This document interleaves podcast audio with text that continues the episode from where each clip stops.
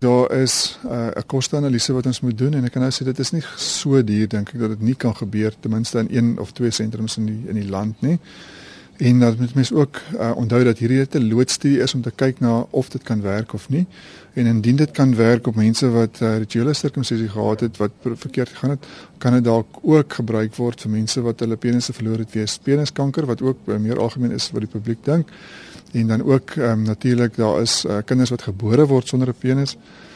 Daar is ehm um, natuurlik die tamaletjie van uh, uh geslags uh, hertoekenning, maar 'n mens kan dit uitbrei na na ander ander mense ook.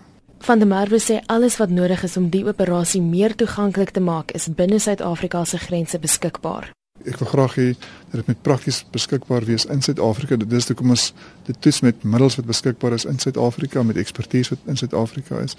Ook met die teaterpersoneel, byvoorbeeld ons uh, teater verloop moes dieselfde gewees het. Ons het net, natuurlik net een teater gehad om te gebruik. Die studie moes inpas by ons omstandighede. Ons wou nie spesiale reddings tref om te kyk uh, of ons dit kan uh, so doen nie. Ons dit moes inpas by ons.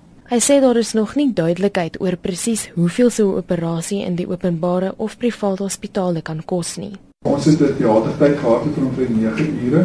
So tydwyse tyd is nie dieselfde as um soos aan die kliniese tyd waar ek met die kliniek gehad het in daai stad onder kom nie. Die koste van die immuunonderdrukkingsmiddels is ongeveer 15 tot 16 000 rand per maand in aanvanklike stadium en dit kom soos wat ons sien in onderdrukkings verminder. Ek het nie onlangs 'n kostes, maar dit is nie begin op die drie goeders die uitgeen daar. Ons mikpunt is omdat dit heeltemal koste-effektief te wees dat die middels waarop ons die pasiënte nie veel duurder as goeie medikasie moet wees nie. Dit is die eerste suksesvolle oorplanting danksy hierdie navorsing. Die proses is egter steeds in 'n eksperimentele fase en die departement van gesondheid sal eers later genader word om te onderhandel of die operasie kan deel vorm van die openbare sektor. Daar is verder nie voorsiening gemaak vir hierdie proses in die nasionale begroting nie en moet nog bepaal word wie verantwoordelikheid moet dra vir die uitvoer van die oorplantings. Ek is Marlene Forsie in Johannesburg.